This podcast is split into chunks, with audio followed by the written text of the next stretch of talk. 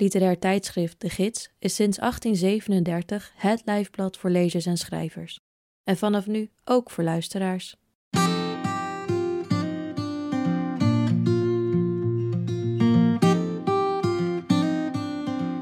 Je luistert naar Sprekende Letteren, een podcast van literair tijdschrift De Gids, met in elke aflevering een verhaal, essay of poëzie voorgelezen door de schrijver of dichter zelf. In deze aflevering hoor je de bijdrage van Shira Keller voor het themanummer over pijnlijke woorden. Ze schreef haar essay over de drie puntjes, ook wel het beletselteken. Aan de hand van een ontmoeting met de Duitse schrijver Judith Schalansky die ze sprak over haar nieuwe boek Inventaris van enkele verliezen, formuleert Shira Keller wat het beletselteken betekent voor haar eigen schrijven. Beletselteken. Ik realiseerde het me pas toen ik al in deze opdracht aan het werken was. Schrijven over moeilijk uit te spreken woorden is schrijven over schaamte. Ik werkte aan verschillende teksten over verschillende woorden, allemaal even pijnlijk. Ik ontwijk die woorden niet voor niets, zo bleek maar weer. De gêne die ik voelde tijdens het typen was verstikkend. Stuk voor stuk verwierp ik ze. Afgelopen week ontmoette ik Judith Schalansky, schrijfster, in 1980 geboren in Greifswald, in wat toen nog de DDR was. In een imposante balzaal in het Amsterdamse Goethe-instituut spraken we over haar nieuwe boek, Inventaris van enkele verliezen. Het is een verzameling van twaalf verhalen, divers van stijl.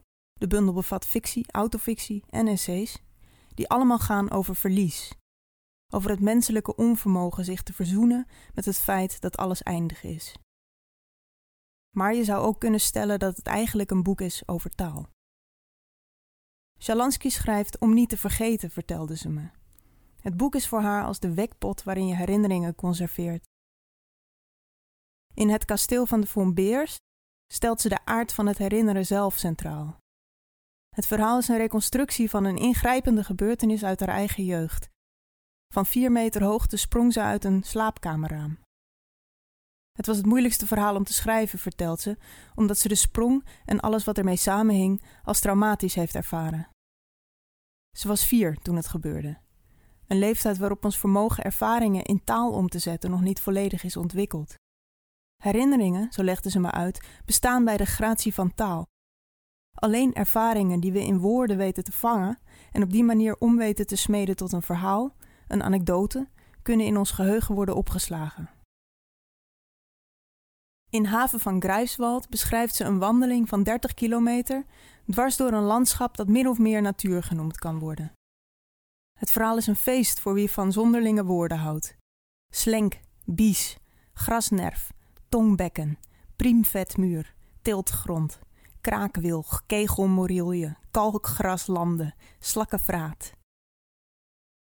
Meermaals vertelde ik haar, moest ik er een woordenboek bij pakken. Shalansky veerde op uit haar stoel. Dit was waar het haar om te doen was, vertelde ze. Ik wilde een soort encyclopedie van vergeten begrippen maken. De fascinatie die daaraan ten grondslag lag, hangt samen met wat ze vertelde over die kinderherinnering. Iets waar we geen woord voor kennen, heeft geen toegang tot ons bewustzijn. Dus wanneer een woord in onbruik raakt, wanneer we er collectief mee ophouden iets te benoemen, dan houdt het in zekere zin op te bestaan. Ik wil die begrippen tegen de vergeting beschermen, zei ze. Hoe rijker een taal, hoe genuanceerder het mogelijke denken. We spraken verder over de macht van woorden en de angstaanjagende aspecten ervan. Taal maakt het mogelijk te denken in abstracties, in onderverdelingen, in soorten. Taal reduceert. Dat maakt de wereld overzichtelijker, behapbaar, analyseerbaar. Een elegante bezwering glimlacht ze van onze panische angst voor chaos. In diezelfde vereenvoudiging schuilt ook het gevaar. Door de werkelijkheid in categorieën op te delen, trek je kunstmatige muren op. En omdat de taal aan de basis staat van ons bewustzijn, hebben we de neiging die muren te ervaren als realiteit. Zo kan een woord, hoe willekeurig ook gekozen, grote gevolgen hebben voor hoe we de realiteit ervaren, hoe we ons leven inrichten, wie we liefhebben, wie we uitsluiten, welke bedreigde diersoort we besluiten te redden, wat we vrezen, waar we van walgen, welke aanslag het 8 uur journaal haalt.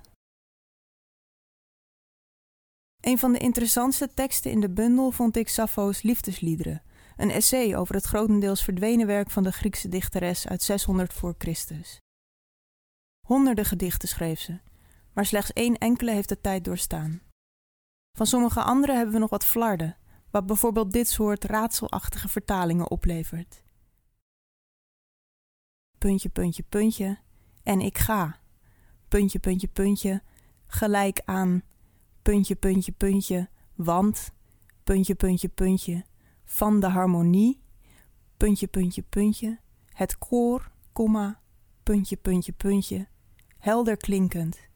Puntje, puntje, puntje, alle. Puntje, puntje, puntje. Wat het essay zo enerverend maakt, is dat het licht werpt op Shalansky's haat-liefde met taal. Enerzijds betreurt ze natuurlijk het verdwijnen van Sappho's levenswerk, maar anderzijds is haar essay ook een ode aan de drie puntjes, die, net als formulieren, oproepen tot eigen invulling. Ze schrijft: Als fantoomledematen lijken de puntjes met de woorden vergroeid en te verwijzen naar een verloren volmaaktheid.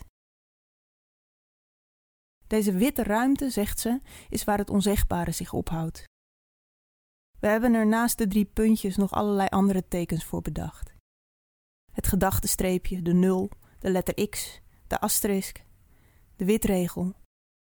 Allemaal plaatsvervangers voor dat wat afwezig is, voor het onbekende, het onbepaalde.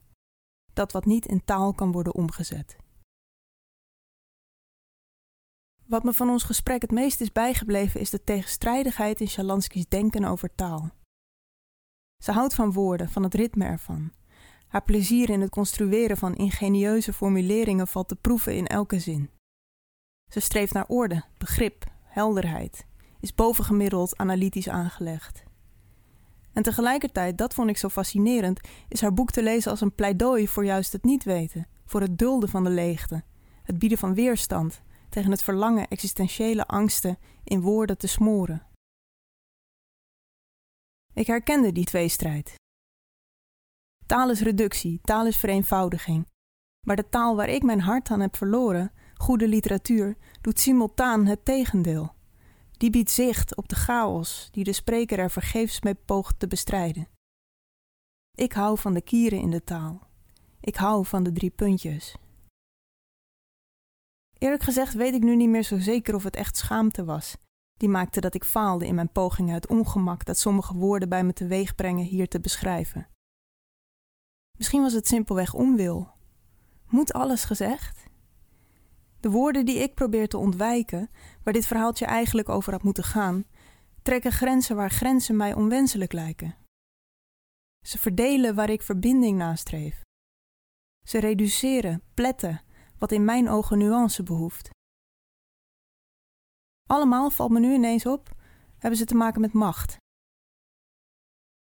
Ik ben het met Judith Shalansky eens dat taal ons denken kan verrijken, dat een grotere woordenschat meer begrip mogelijk maakt.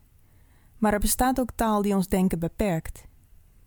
Ik kies ervoor om sommige woorden af te wijzen. En weet je wat? Ik geloof eigenlijk niet dat ik me daarvoor schaam.